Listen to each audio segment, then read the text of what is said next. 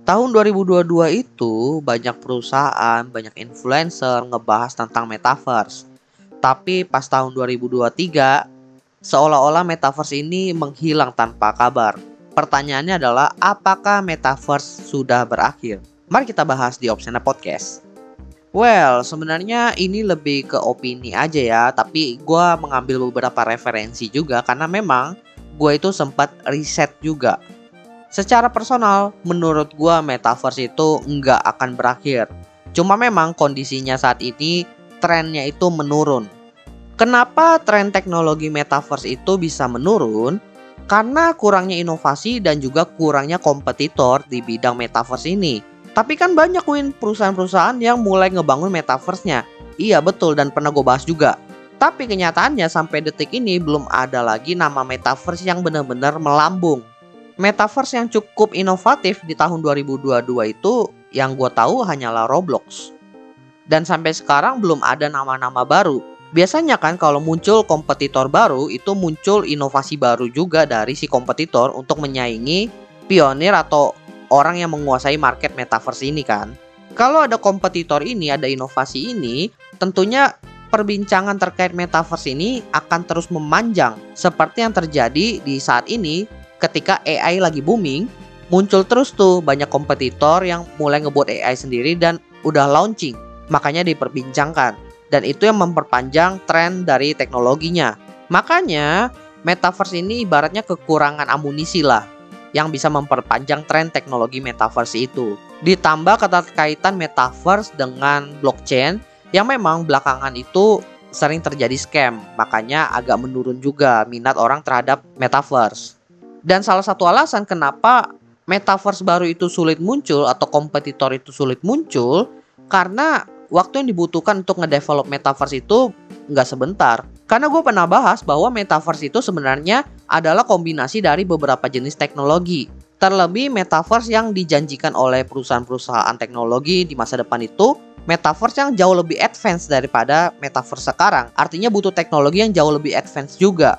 Sehingga untuk bisa mewujudkan metaverse tersebut harus ada teknologi-teknologi pendukung yang existing dulu.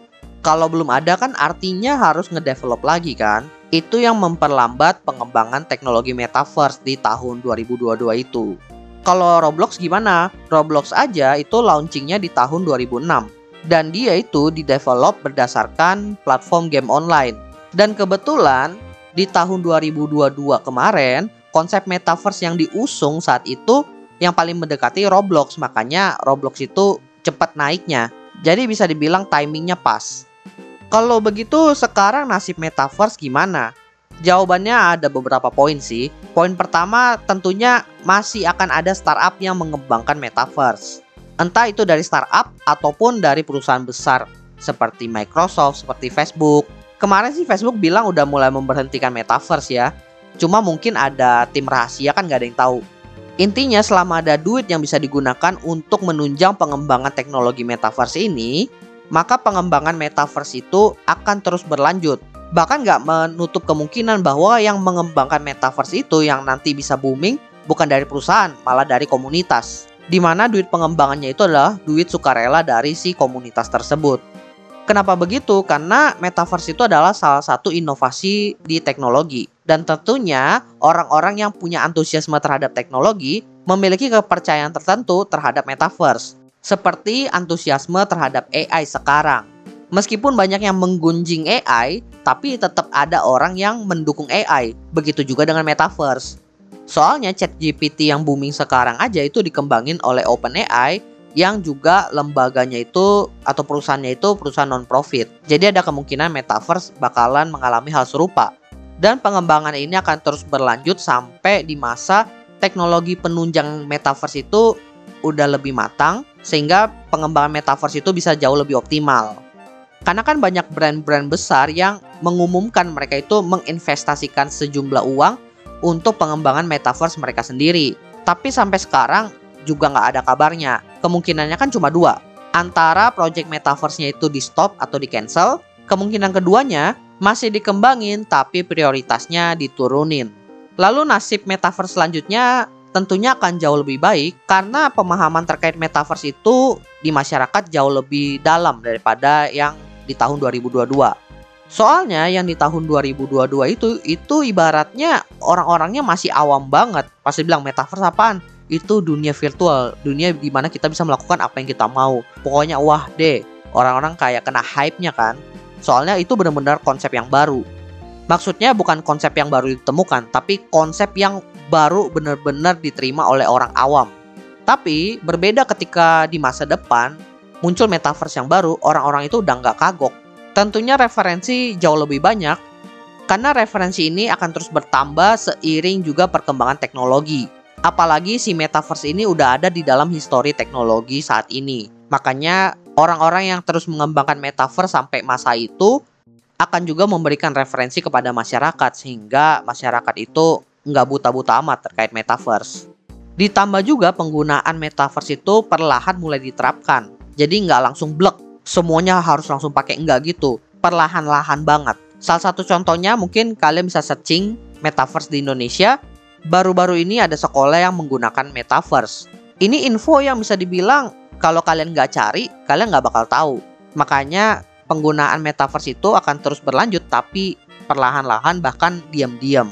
Dan nasib puncak dari metaverse ini tentunya adalah dari sisi timingnya. Seperti di tahun 2022 itu bisa dibilang timingnya lagi pas. Karena blockchain lagi naik, maka teknologi yang berhubungan dengan blockchain salah satunya itu adalah metaverse itu kena imbasnya. Ditambah juga tren yang lain yang muncul yaitu tren investment juga naik. Makanya metaverse itu udah pakai blockchain, bahkan katanya kita bisa beli tanah di sana sebagai media investasi, menjadi sesuatu yang menarik. Jadi timingnya enak banget buat metaverse saat itu. Makanya perusahaan metaverse yang sudah existing produknya itu untungnya gila-gilaan. Tapi sayangnya timingnya itu cuma sebentar, trennya itu nggak bisa dipertahanin, jadi harus nunggu timing selanjutnya. Timing selanjutnya itu kapan? Nggak ada yang tahu ya, karena ya namanya juga tren teknologi, sama seperti tren-tren yang lain, melihat dari sisi kebutuhan dan juga opportunity yang ada. Bisa saja timing di masa depan nanti ketika metaverse ini booming kembali, kejadiannya itu sama seperti di tahun 2022, tapi bisa juga berbeda. Tapi yang bisa dipastikan di sini adalah ketika timing itu muncul, perusahaan yang sudah ready dari sisi produk metaverse-nya, mereka yang akan meraih untungnya. Well, gua rasa itu aja sih yang pengen gue bahas di Opsiana Podcast kali ini terkait metaverse. Sebenarnya gue itu ada sisi optimis terhadap metaverse tapi juga ada sisi pesimisnya. Gue optimis bahwa metaverse itu memang teknologi yang akan happen. Tapi gue pesimis kalau metaverse itu bakalan happen dalam waktu yang dekat. Karena dari segi konsep itu adalah konsep yang menarik, tapi konsep menarik ini kalau di breakdown itu rumit banget. Bukan hal mudah untuk bisa menerjemahkan konsep metaverse ini ke dalam bentuk nyatanya. Ya namanya juga opini lah, nggak ada yang benar, nggak ada yang salah. Apalagi terkait teknologi ini jatuhnya udah kayak prediksi sih. Anything can be happen. Jadi ya kita lihat aja ke depannya itu bakalan seperti apa. Sebelum menutup episode ini ada info menarik nih buat teman-teman Opsiana. Jadi Opsiana baru aja merilis episode spesial VIP di aplikasi Noise loh. Episode VIP ini akan membahas perjalanan gue dalam melunasi hutang ratusan juta, kemudian belajar memahami apa itu hutang sebenarnya, sampai belajar hidup bebas dari hutang. Kalau kalian tertarik bisa langsung cek Opsiana Podcast Dev Free Dev di Noise ya. Dan jangan lupa juga follow akun sosial media Opsiana, Instagram dan juga TikTok di @opsiana_media. Gua rasa itu aja. Thank you buat teman-teman semuanya. See you next time di episode lainnya.